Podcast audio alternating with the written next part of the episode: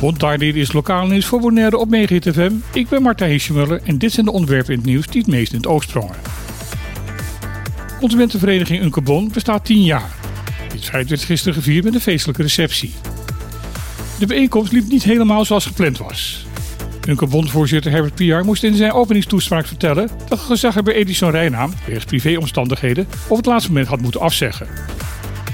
Daarom werden de honneurs waargenomen door oud-voorzitter en medeoprichter Wietse Koopman. Koopman vertelde in zijn verhaal dat Unkebon in de afgelopen 10 jaar veel heeft bereikt, maar dat er nog veel doelen zijn die de komende jaren bereikt moeten gaan worden. Als belangrijk punt belicht de Koopman daarbij de rechtszaak die Unkebon heeft aangespannen tegen de Nederlandse staat. Hij is ervan overtuigd dat de aankondiging van de rechtszaak al heel veel heeft losgemaakt in Europees Nederland. Bonaire is tegenwoordig veel vaker een onderwerp in de Nederlandse media dan voorheen. Als reactie erop is de verhoging van de pensioenuitkering AOV dit jaar hoger dan de inflatie van dit jaar. Voor het eerst in 12 jaar zijn de ouderen op Bonaire dit jaar niet armer geworden. Ook vertelde Koolman dat de inzamelingsactie om de kosten van de rechtszaak te kunnen betalen tot nu toe 100.000 dollar heeft opgebracht. Helaas zal met dit bedrag de kosten niet gedekt kunnen worden, dus de inzameling gaat nog door. Voorzitter Pierre vertelde dat een van de speerpunten van Unkebon is om de komende jaren tot 500 leden te kunnen komen. Daarmee krijgt de vereniging meer slagkracht en zal ze dus meer voor elkaar kunnen krijgen. COVID lijkt volledig voorbij en niemand op Bonaire schijnt zich daar nog druk over te maken. Maar de afdeling publieke gezondheid van het OLB waarschuwt dat het virus nog steeds rondgaat op het eiland en dat met het oog op het komende carnaval voorzichtigheid nog steeds geboden is. Hoofd van de afdeling, Michael Mercure, zegt dat ook tijdens de komende feestperiode nog steeds kwetsbare mensen onder ons zijn. Zoals ouderen en bijvoorbeeld mensen met suikerziekte of een hartkwaal.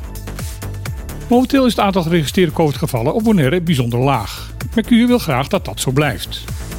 Daarom benadrukt hij om juist nu voorzichtig te zijn en dat je je niet in grote gezelschap gaat begeven wanneer je COVID-verschijnselen hebt. Om risico's te vermijden raadt de dienst publieke gezondheid aan om voordat het carnaval echt losbarst nog een herhaalprik te gaan halen. De afspraak hiervoor is nog steeds te maken via het gratis nummer 0800 0800. Reina kijkt met grote tevredenheid terug op het koninklijk bezoek aan Bonaire. Het was een kort bezoek met op zaterdag een overvol programma. Er was daarbij aandacht voor het slavernijverleden, cultuur, sport en natuur. Ook heeft het Koninklijk Gezelschap op een informele en ontspannen manier op zaterdagavond kunnen kennismaken met de culinaire kant van Bonaire. De beveiliging was dit keer streng en uitgebreid, dit in verband met de huidige bedreigingen tegen prinses Amalia. Toch was het Koninklijk Gezelschap benaderbaar en was de sfeer ontspannen. Reina zegt dat hij trots is op wat Bonaire hier heeft neergezet. Hij wil daarom iedereen die zich hiervoor heeft ingezet en iedereen die bij het evenement aanwezig was, hartelijk danken. Een slotverklaring kwam er niet, wel een mededeling vanuit Caracas, dat de Venezolaanse luchtruim vanaf heden tot 30 april voor al het vliegverkeer uit de ABC-eilanden gesloten is. Dat is het resultaat van de derde grensoverleg tussen Venezuela, Curaçao, Aruba en Nederland, dat afgelopen dinsdag in Curaçao heeft plaatsgevonden.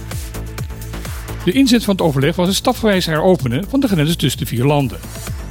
Deze is sinds 2019 eenzijdig door Venezuela gesloten. Voor de drie eilanden ligt de prioriteit om het weer mogelijk te maken dat de fruit- en groentebakjes de eilanden weer kunnen gaan bezoeken. De delegatie van Venezuela wilde duidelijk meer. Volledige heropening van het luchtruim. Toen de andere delegaties duidelijk maakten dat ze niet het mandaat hadden om daarover te praten, was de bijeenkomst snel voorbij. Het officieel sluiten van het luchtruim door Venezuela moet gezien worden als een symbolische actie. Het Venezolaanse luchtruim is namelijk al sinds 2019 verboden voor al het vliegverkeer vanuit de ABC-eilanden. Volgens een communiqué van de Curaçaose regering zal er verder gewerkt gaan worden om de grenzen geleidelijk weer te heropenen. Hoe en wanneer dat gaat gebeuren is echter niet duidelijk. Dit was weer het lokale nieuws op Megahit FM. Ik wens iedereen nog een prachtige dag en dan graag weer tot morgen.